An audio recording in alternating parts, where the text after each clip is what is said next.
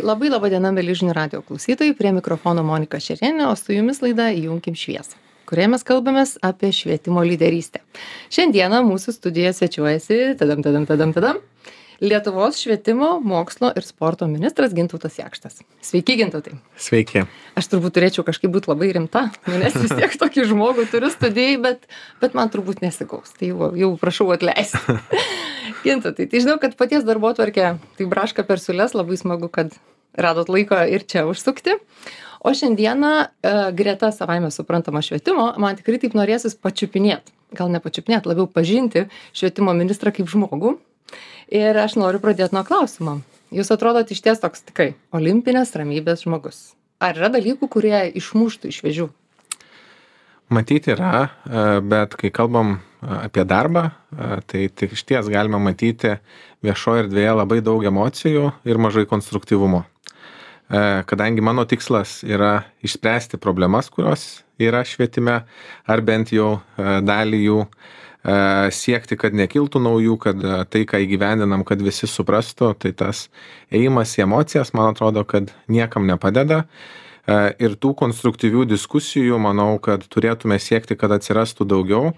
Palietus bet kokį klausimą, dažnai pirmą girdime kritiką ne apie tą klausimą, bet apskritai apie vieni kitus kritikuojam dėl to, kad šnekam, dėl to, kad nešnekam, dėl to, kad pasisakom ar nepasisakom.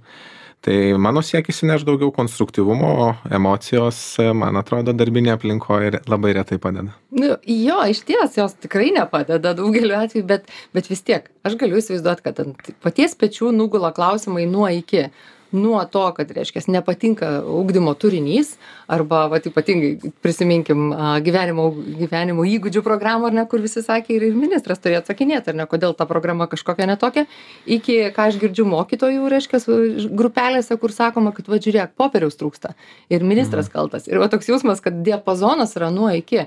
Tai vis tiek kaip pavyksta atsilaikyt prieš tą srautą to negatyvo kurio gaunat tai aš suprantu kad čia yra e, to į asmeniškumus stengiuos apskritai darbe nesileisti ir suprantu kad ministro pozicija yra pozicija e, ir tai kas yra nukreipta tai yra nukreipta į pareigas o tos pareigos atneša atsakomybę už visą švietimo sektorių. E, nors jeigu žiūrėtume į teisės aktus, e, funkcijos, e, teisės, pareigos yra gana išskaidytos. Kalbant ir apie mokyklas, didelė dalis ir teisų ir pareigų tenka pačioms mokykloms, jų vadovams, tada steigėjas yra savivaldybė, o kaip ministerija labai mažai ką reguliuoja jau, kai kalbam apie pačias mokyklas. Bet kad ir kas būtų blogai pirmiausia aišku taikinys yra ministerija. Ir net diskusijose su mokytojais to paties streiko metu sakydavo na savivaldybė su mumis nesišneka nes ten švietimo skyrius jiem nelabai mes kartais gal rūpim mūsų negirdi neskiria laiko tai mes vat jum pasakojam tas problemas ir nesvarbu kas čia už ką atsakingas ir jūs būkite tas kur nueisite į savivaldybę ir atstovėkite ir išspręskite, kas mums rūpi.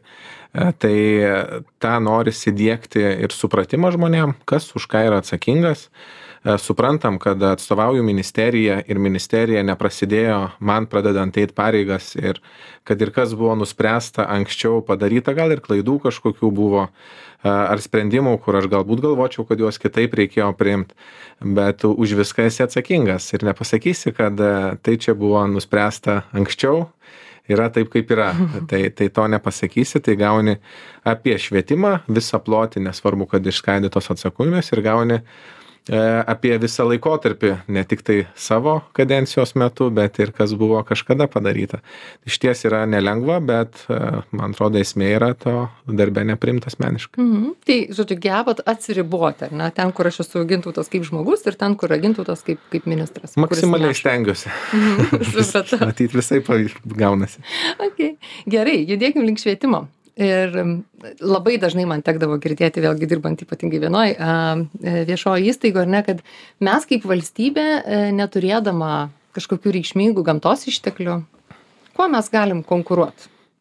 Vat jūsų nuomone kuo mes galim konkuruot pasauly tai žinoma kad galim konkuruot tik savo gebėjimais Ir čia simboliška dabar ir įgūdžių metai paskelbti Europos, mhm. daug į tai atsižvelgiama, investuojama ir mes ir ministerijoje stengiamės į tai žiūrėti kompleksiškai, imant ne tik tai bendrąjį ūkdymą ar profesinį mokymą ar aukštąjį mokslą, bet apskritai apie mokymasi visą gyvenimą.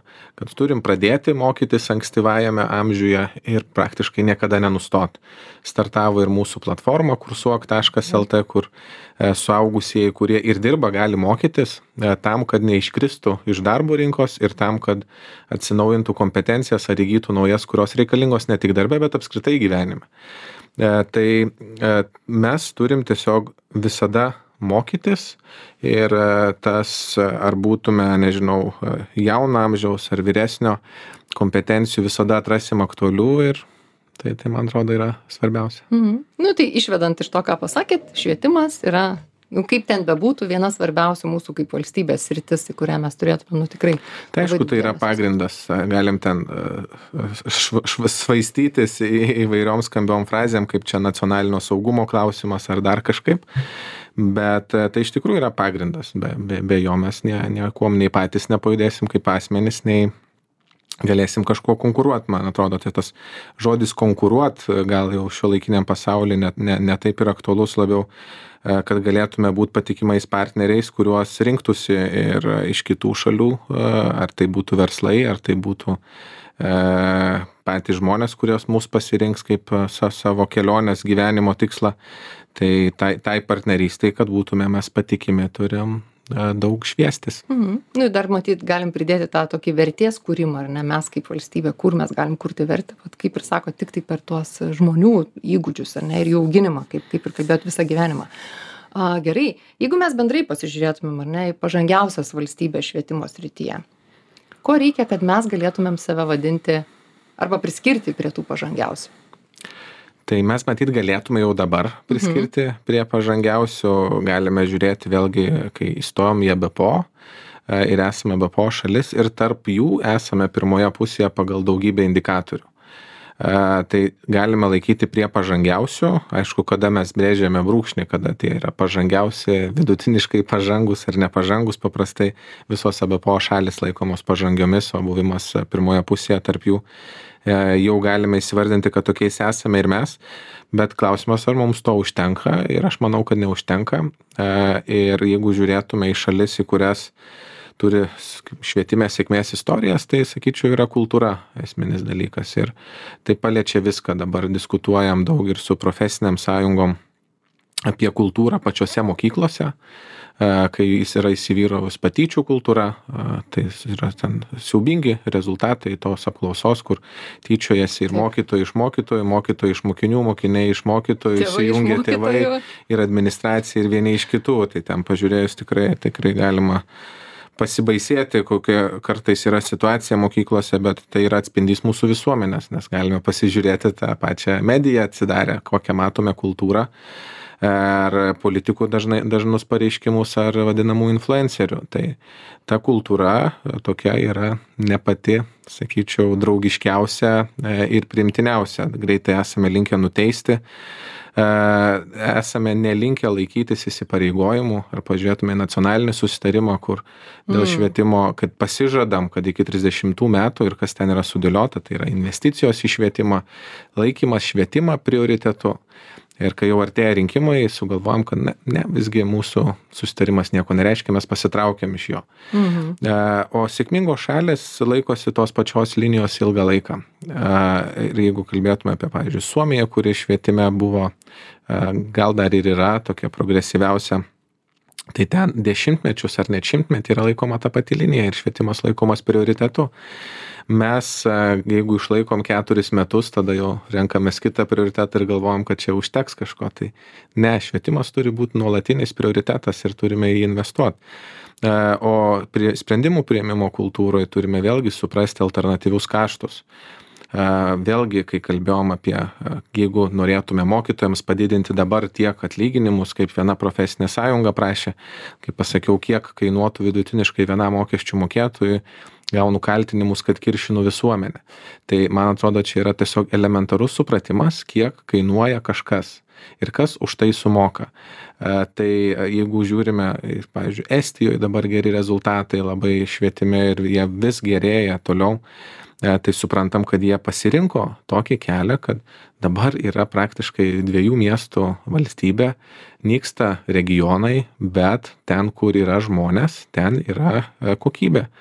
O mes kartu norime, kad išlaikyti ir mokyklas, kur galbūt nesurenka ir 20 mokinių, bet surenka dešimt kartų daugiau parašų, kad turėtų ten niekas nesikeisti. Tai to nesugebėjimo mūsų įvertinti alternatyvių kaštų, kad tai yra ant tos pačių svarstyklių. Jeigu mes norime, kad prie kiekvieno e, daugiabučių stovėtų po mokyklą, nesvarbu, kiek jame būtų, ar net prie kiekvieno vienkimio kai kuriais atvejais, tai suprantam, kad neturės mokytojai tada pakankamų atlyginimų, neturės krūvio, mokiniai neturės pasirinkimo. Reikalingas yra tam tikras resursų sutelkimas, kad galėtume turėti kokybę. Mhm. Bet apie tai nenorim, mes norim kokybės, bet nenorim daryti veiksmų ir keistis, kad ta kokybė turėtų prielaidas. Mhm. Man dar labai patiko prieš laidą, mes kalbėjom ir sakėt, kad tas sprendimų prieimimo kultūra kaip tokia, ar ne, jeigu tai valstybės lygmenių žiūrėt, kad mes ten irgi trupučiuką blaškomės arba negalim neturim stuburo kai kuriais atvejais ane priimti ir bandyti dalykus tarsi va čia yra tokio reikia pastoviai kažkokio užtvirtinimo kaip sakėt dešim šalių jeigu tai padarė tai tada mes gal irgi trupučiuką bandysim. Tai galima pasižiūrėt švietimo pavyzdžiui mokslo komiteto posėdžius kai ministerija pristatinėja siūlymus. Ar bet kokiam kontekste tai visi jau yra įpratę kad turim parodyti kuo daugiau šalių kurios tai jau įgyvendina bet kuriose diskusija pažiūrėkim jau čia ta ta ta ta šalis yra pasidariusi kaip mes dar ne. Tai yra tokių atvejų kur mes tikrai esam kažkur atsilikę ir reikia padaryti ką visi jau seniai padarė e, bet e, kai yra kažkokios naujos idėjos vėlgi yra prašoma to paties parodykit kiek šalių jau tai padarė Ir jeigu vad neturi to ant vienos rankos pirštų sutelpa visos šalis, kurias gali išvardinti, tai to nepakaks. Turi pasakyti 10-15 pavyzdžių, kur tai jau veikia, tada tik mes dėksim. Tai tai veda į, į vidutinybę, nes daugelis pasidarė, mes einam iš paskos, bandom pasivyti kitus. Bet jeigu atnešam naują idėją, tas pats buvo mums pavyzdžiui su galimybę kolegijas jungti su universitetais ir kuriant ekscelencijos centrus, sutelkiant resursus tiek infrastruktūros žmogiškuosius kažkuriuose sritise ir nebeskaidant. Tai klausimas, su kur taip yra, binarinė sistema egzistuoja ir tada didžiulis sąrašas šalių ir bandom kovoti, kur daugiau šalių tai yra pasidariusios, bet ne apie tai turėtų būti, turime žiūrėti, į ką tai veda. Ir šalys kelios jau tai padarė ir tai yra progresyvios šalys, tai yra Junktinė karalystė, Australai e, juda tą linkmę, yra iš Skandinavų jau tokio, kaip čia, ženklų, kad bandys aktyviau tai judėti. Bet mes, jeigu bijom priimti sprendimus, kol nepriėmė dauguma, tai visada būsim atsilikę nuo, to, nuo tų, iš kurios kopijuojam. Mm. Klausytojams noriu priminti, kad eterė laida Junkim šviesą, mes kalbame su švietimo mokslo ir sporto ministru Gintautu Jakštu. Gerai, laiko turim dar kokias devynias minutes. Gintautai. Mm, vienas mano pažįstamas psichoterapeutas, beje, dirbantis e, ir su Suomijos e, švietimo įstaigomis, konsultuojantis jas ir tiek Lietuvoje, tiek užsienyje, reiškia, jisai sako, kad pirmas žingsnis e, siekiant kokybės švietime turėtų būti depolitizavimas, visiškas švietimo depolitizavimas. Tai čia labai panašu į tai, ką, ką ir jūs sakėt, kad čia keturi metai ir pasibaigė, net jeigu mes nuimtumėm tos keturis metus, tai būtų kaip ir daugiau erdvės veikti keturi metai čia dar didžiulė išskirtis švietime. Jeigu žiūrėtume vidutiniškai, kiek švietimo ministras vienas eina kadenciją, tai yra berods 2,2 metų. Tai, tai dažniausiai yra per vieną vyriausybės kadenciją du ministrai. Mhm. Depolitizuoti, aišku, klausimas, kaip depolitizuoti. Tai reiškia, turi turėti labai stiprius ekspertus, kurie mhm. bus pasiryžę priimti sprendimus, ne tik tai pasiūlyti, mhm. pakritikuoti, kas yra įprasta bet ir generuot sprendimus ir prisimti tam tikrą, e, tam tikrų pavydalų pasiekmes už juos. E, prisimti atsakomybę, kad mes nusprendėm, mes palaikysim. Dabar ta kultūra turėtų vėlgi gerokai keistis, kad galėtume į tai nueiti. Dažnai matome, kaip pasisako, pataria, žiūrėkim tą linkmę, eikim tokį sprendimą, palaikom tačiau kai atsiranda kritika tam sprendimui, visi siūlytojai atsitraukia ir nebeprisipažįsta net, kad čia jų idėja buvo. Tai va tos drąsos nešti savo sprendimą nėra daug, E, diskutuoti argumentais vėlgi yra labai mažai galinčių, dažniausiai yra emocijom, ištraukiami kažkokie sėkmės pavyzdžiai į vieną pusę, sėkmės į kitą pusę ir kieno tas pavyzdys sėkmingesnis. Jeigu įsitraukia analitika ir skaičiai, tai jūs čia mus dabar skaičiais norit užburti, bet žiūrėkim, kaip gyvena žmogus, o nu, sisteminiai pokyčiai tai yra nu, ne apie vieną asmenį. Ir sėkmės pavyzdžių tikrai, kad galima atrast žmonių kurie niekada nieko nesimokė ir nebuvo formalioj švietimo sistemoj yra genijai daugy daug pasiekę ir gali būt kad praėjo per visą švietimo sistemą ir nieko nepasiekė. Tai tų išimčių visada visokiausių bus bet kai pradedam jomis vadovautis priimant sprendimus tai tai nepavyksta. Tai depolitizuojant mum reikėtų stiprinti labai a, tą ekspertinę analitinę dalį a, ir mes tą bandom daryti pasileido dabar edukologijos mokslo programa tai siekis yra tiek stiprinti mokymą edukologijos, kad paruoštume stiprus mokytojus, tiek ir patariamąją dalį, kad būtų moksliniai tyrimai, kuriais galėtų remti sprendimų prieimėjai. Kita dalis yra tai to depolitizavimo, aišku, čia mano asmeninė nuomonė, E, šiaip švietime nėra tiek daug tos politikos, kur lemtų, ar aš esu kairių ar dešiniųjų, ar dar kažkokių ten pažiūrų. E, švietime visi nori prieinamo, kokybiško švietimo. Nu, aš čia galėčiau paprieštarauti, ar ne, kai mes žiūrim į savivaldybės ir, pavyzdžiui, mokyklų vadovai, ar ne, ir ten, kai jau savivalda kažkokį sprendimą priiminėja, ar ne, kas ten praeisi tą mokyklą ir kas ne, vadovauti. Ir ten, vat, įsivelia, man atrodo, šiek tiek politikos, bet gal mes šitoje vietoje stokim, aš noriu judėti toliau, nes liko keturias minutės. Gintutai tai jeigu vis dėlto nutiktų taip ar ne kad pafantazuokim švietimas lietuvoj depolitizuotas gintautas jakštas gauna mandatą būti ministru neribotą laiką ir jis pasileidžia plaukus. Kas tai būtų? Kaip tai atrodytų? Čia aišku reikėtų iškart pasakyti, kad čia yra pafantazavimas ir e, kad nepriimtų klausytojai kaip kažkokių planų, kas neretai vyksta, paskui pamatom antraštėse, kai yra tiesiog pasvarstymai ir diskusija priimami yra kaip planai tai tam kad galėtume judėti stipriai su švietimo kokybe mes turim padaryt tam tikrus higieninius veiksmus. E, tai pirmiausia struktūra kurioje vyksta ugdymas. Tai bendrasis ugdymas dabar ir visa ta mūsų mokyklų sistema yra išsikreipus. E, turime progimnazijas kurios nesuteikia išsilavinimo formalaus. Nes pabaigęs aštuonias klases neįgyji nei pagrindinio nei vidurinio nei pradinio. Mhm. E, tam yra e, tai tas mūsų išsilavinimo lygiai ir mokyklų lygiai yra nesuderinti. Tai tą būtinai reikėtų keist bet jeigu jau keičiam tai labai norėtųsi keisti ir pradinį ugdymą. Jis dabar yra keturi metai. Daugelis šalių tai čia vat šiek tiek prieštaraujant sa sau ką sakiau bet čia yra higiena ką reikia pasidaryt ir tam yra įrodymai tai pirmiausia ir dėl mok mokytojų dalykininkų kurių trūksta visur ir jeigu jie e, skiriam dalykininkus mokyti penktokus šeštokus tai jų ir trūks. E, tai yra tinklo klausimas kai penktokai turi keliauti jau į dalykinę sistemą tai reiškia turi eit į mokyklą kurioje yra daug mokytojų jos turi būt didelės bet jie yra penktokai tai norisi kad būtų mokykla arti bet to negalim užtikrint tai paprastai šalys ir dauguma šalių turi e, šeši metai yra pradinis ir paskui varijuoja kiek pa pagrindinis ir vidurinis. Tai gali būti modelis tiek 6 plus 3 plus 3, tai yra 6 metus baigiai pradinį, dar 3 po 9 klasės pagrindinį, dar 3 po 12 įgyji vidurinį. Gali būti ir kitoks, ten 6 plus 4 plus 2, tai tų modelių įvairių. Mhm. E, bet tai turėtų dėrėti tos mokyklų tipai su įgyjamu išsilavinimu. Ir tai turėtų dėrėti kartu ir su profesiniu mokymu. Mhm. Dabar, kai pabaigiam e, 8 klases e, progimnazijoje, nueinam į gimnaziją dviem metam, tada renkamės ar liekam gimnazijoje ir į profesinę ir tik, tik tikrai tai nėra tvarus kelias. Tai čia pirmas dalykas, ką turėtume sutvarkyti. Mhm kitas dalykas yra vertinimas.